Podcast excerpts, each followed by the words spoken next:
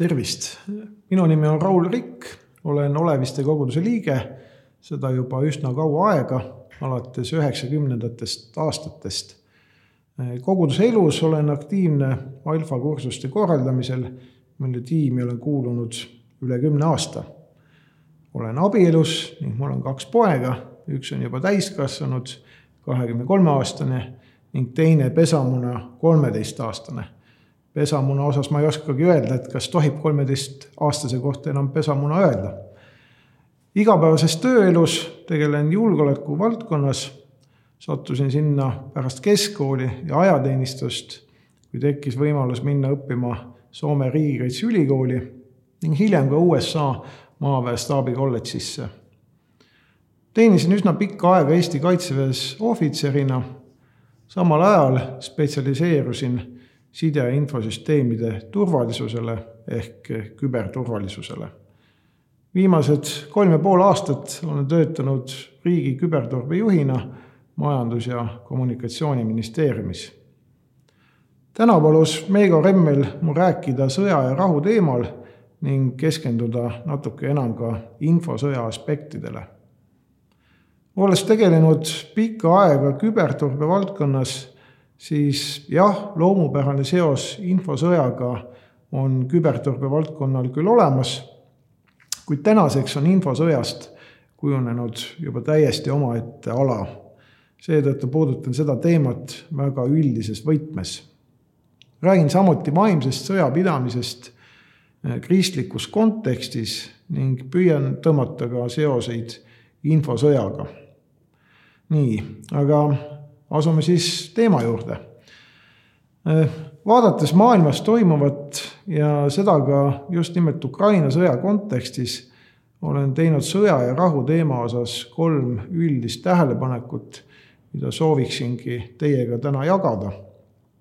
esiteks, esimene tähelepanek on see, et sõja reaalsusega peab arvestama see on väga karm tähelepanek, eriti just rahu armastavates ühiskondades, nagu Eesti on, kuid äh, pole midagi teha.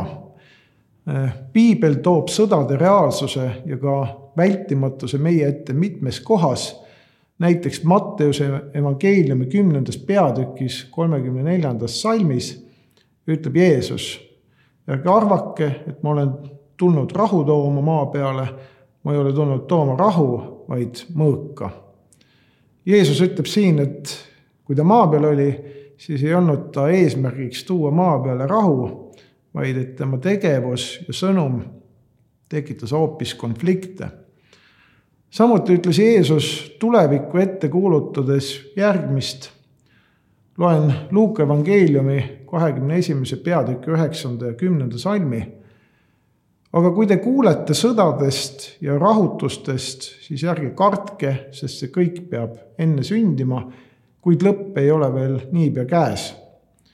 siis ta ütles neile, rahvas tõuseb rahva vastu ja kuningriik kuningriigi vastu. me näeme ka sellest salmist, et Jeesus ei lubanud meile rahulikku ja mugavat elu, vaid vastupidi, ta ütles, et inimesed on pidevalt konfliktis ja sõjast pole pääsu.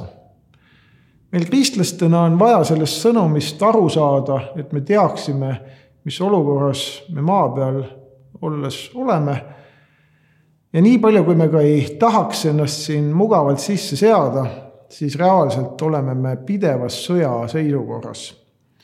kristlaskonda võiks antud juhul võrrelda sõjaväeüksusega, mis võib igal hetkel lahingusse sattuda. kui me aga magama jääme või valmiduse kaotame, siis võidakse meid nii-öelda une pealt rünnata. umbes samalaadne uinumise olukord oli ka Euroopas, enne kui Putin oma vägesid koondama hakkas. kõik olid harjunud rahuga ning mastaapse sõja pidamine tundus olevat jäänud teise maailmasõja aega. paraku see nii siiski ei olnud Putin tõi klassikalise sõja meile uuesti koju kätte. sellest on palju kordi räägitud, et äh, suga, sõda Ukrainas mõjus šokina enamuses Euroopa riikides, paljud poliitikud, arvamusliidrid ja julgeolekueksperdid lihtsalt ei uskunud, et selline mastaapne sõda võimalik on. see ei tundunud ratsionaalne ega ka kellelegi kasulik. ainult hullumeelne teeks midagi sellist. Aga mõtestame korraks lahti, mis asi sõda on ja siis võib igaüks ise hinnata, kas sõjaline tegevus Ukrainas on Putini vaatevinklist hullumeelsus või pigem hoopis ratsionaalne kalkulatsioon. mis on sõda? sõda on olemuselt konflikt, kus kaks või enam osapoolt on mingis küsimuses eriarvamusel ning mõlemad tahavad oma tahet maksma panna. Konventsionaalne sõda ehk klassikaline sõda ehk sõda masinate ja relvadega on üks viis, kuidas vastasele oma tahet peale surutakse. sõjal on ka mitmeid erinevaid vorme, nagu näiteks majandussõda, kübersõda, tehnoloogiline sõda ja nii edasi. aga nende juurde tuleme natuke hiljem tagasi. klassikalise sõja puhul kasutatakse sõjaväge, peetakse lahinguid, hõivatakse territooriume ning hävitatakse vastase taristut ja relvastust.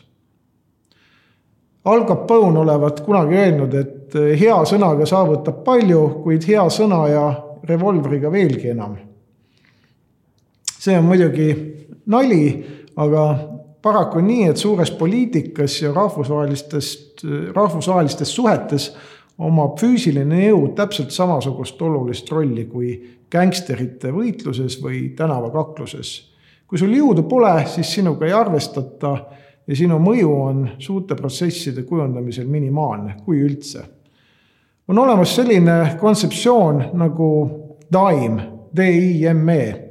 sellega kirjeldatakse riikide erinevaid võimuvahendeid ehk inglise keeles instruments of national power. D tähendab diplomaatilist jõudu ehk oskust läbi rääkida, sõpru leida, koalitsioone moodustada rahvusvahelisi poliitikaid kujundada, lepinguid sõlmida ja nii edasi. I tähendab informatsioonilist jõudu ehk äh, oskust sõnumeid luua, meediat kasutada ja avalikku arvamust kujundada. M tähendab militaarjõudu ehk riigi sõjalist võimekust erinevates kohtades sõjalisi operatsioone ellu viia. ja E tähendab economy ehk majandusjõudu, mis on seotud nii riigi rahakoti suuruse kui ka erinevate soodustavate või ka sanktsioneerivate majandusmeetmetega.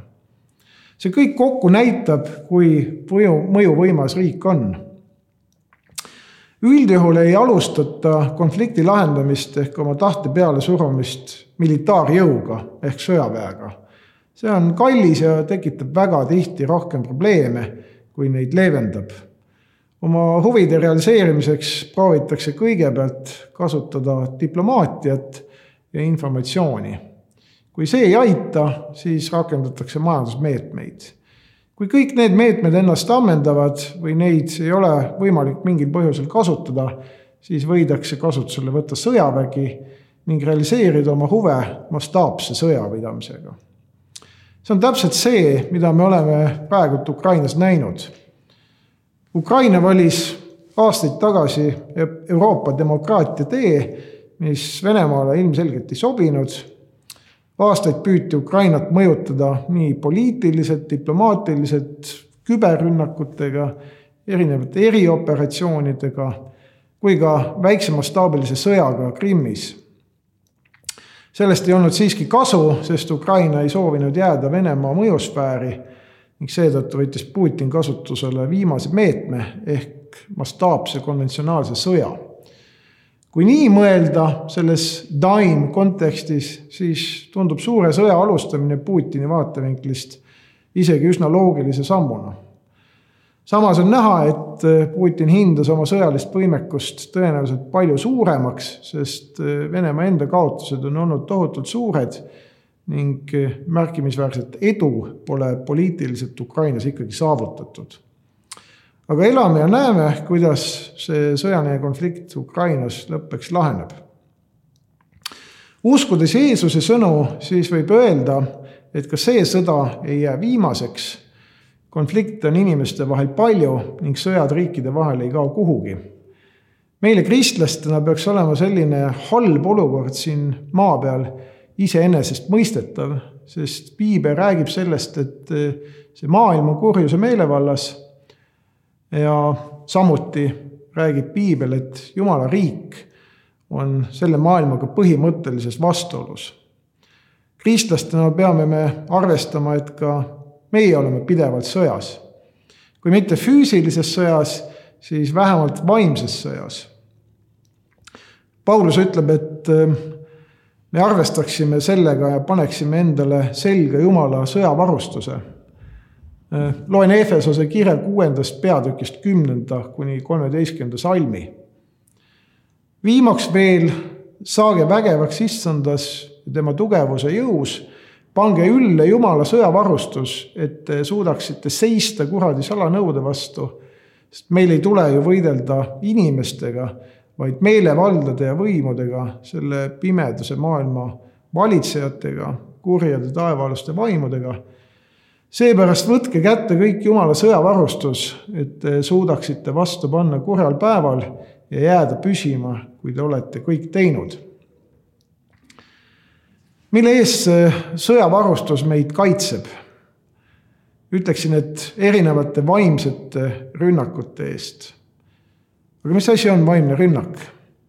seda võib defineerida nii, et vaimne rünnak on see, mis püüab meie sees, meie mõttemaailmas, meie seisukohtades, arvamustes ja hoiakutes ja lõpuks ka meie tahtes ja käitumises mingi muutuse esile kutsuda. vaimse rünnaku eesmärgiks on lahutada inimene Jumalast, viia ta oma mõtlemise eesmärkide osas Jumalast võimalikult kaugele. kaasaegse terminoloogia kohaselt võiks isegi öelda, et vaimne rünnak ongi nagu infooperatsioon või infosõda.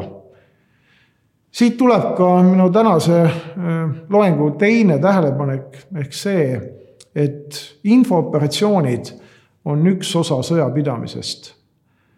Äh, sellesama Dime kontseptsiooni kohaselt on informatsioon ja selle jagamise suutlikkus üks osa riikide võimualustest.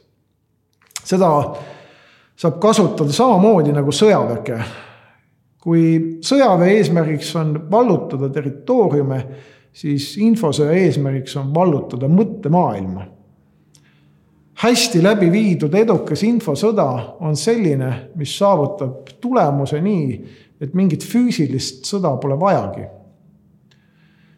infosõja valdkonda või selle arsenali ei kuulu tankid ega lennukid ega kuulipildujad ega muud tavapärased sõjamasinad vaid hoopis teised instrumendid, näiteks nagu sõbralik kaasamine, jutumärkide seade pakkumiste tegemine, valikuline info jagamine, salgamine, petmine, valetamine, manipuleerimine, šantaseerimine, hirmutamine.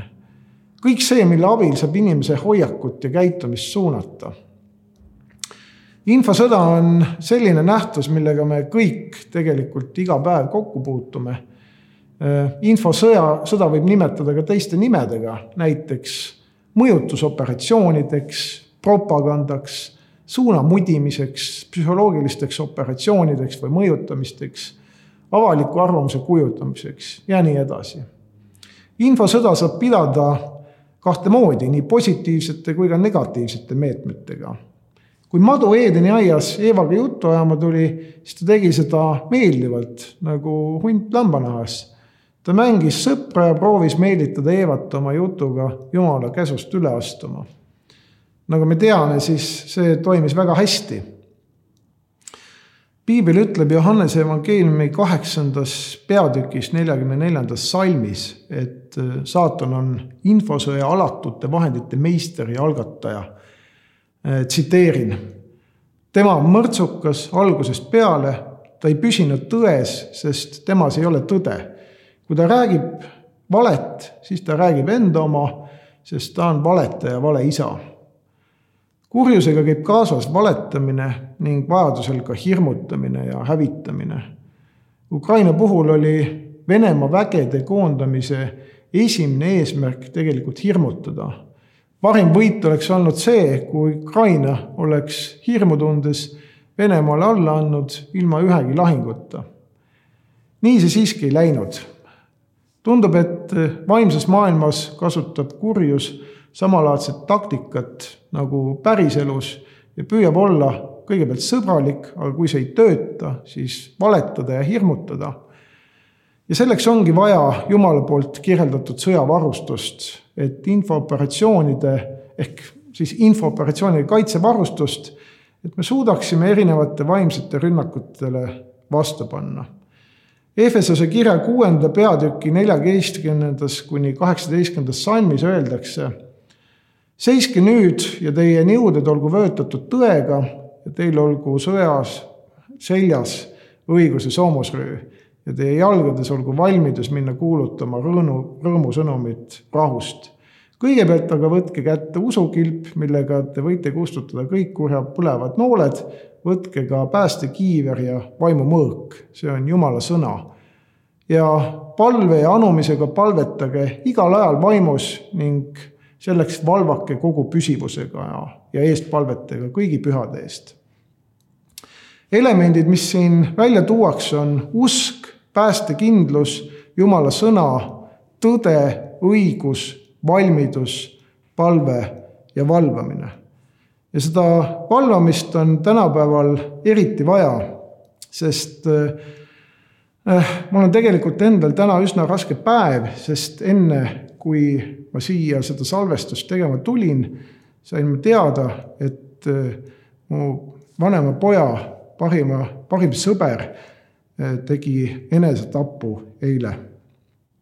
ja ma ei oska öelda, mis seda noort inimest selleni viis, mis ta mõttemaailmas oli, kuidas ta sinna jõudis, et ta otsustas käe enda külge panna. aga selge on see, et tema mõttemaailmas toimus midagi sellist, kuhu kurjus sai näpud vahele ja sealt kindlasti ei, ei leidunud lootust, piisavalt armastust, usku, kõike seda, mis annab inimesele elu mõtte ja ka noh, kindluse nii iseenda olemises kui ka selles, mida me siin maailmas teeme mis tulevikus saama hakkab pärast surma nii et see infosõja pidamine ei ole kuidagi naljaasi, vaid see, mida Jumal ütleb, et meil on tegemist kurjuse jõududega ja selleks, et neile vastu panna, on meil vaja seda Jumala sõjavarustust. et võtkem seda hästi tõsiselt, sest eh, teistmoodi ei ole võimalik eh, selles elus toime tulla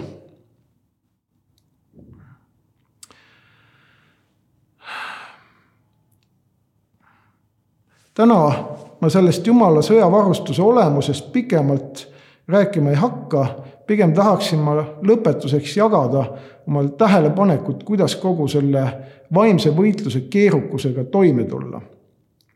me ju sünnime siia maailma ilma kogemuseta ning püüame elu jooksul õppida ning aru saada, eh, kus me oleme, kuidas, kus, kuidas asjad käivad ja mis me siin maa peal teeme väga tihti on meil puudu teadmistest, oskustest ja elukogemusest.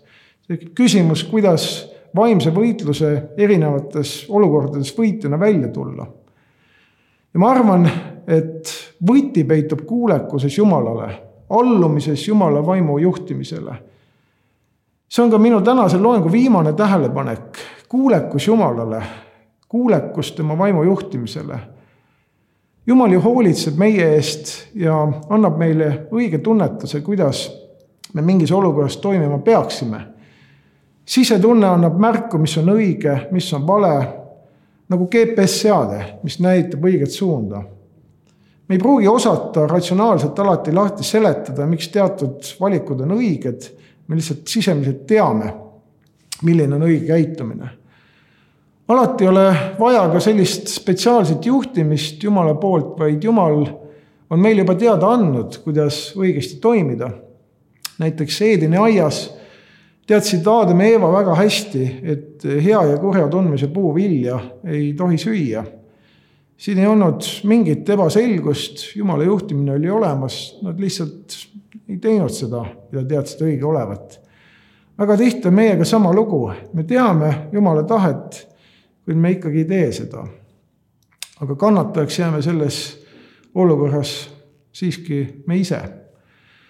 piiblis öeldakse Efesose kirja viienda peatüki viieteistkümnendas eh, kuni kaheksateistkümnendas salmis, tsiteerin vaadake siis hoolega, kuidas te elate, mitte nagu arvutud, vaid nagu targad, kasutades aega õigesti, sest päevad on kurjad.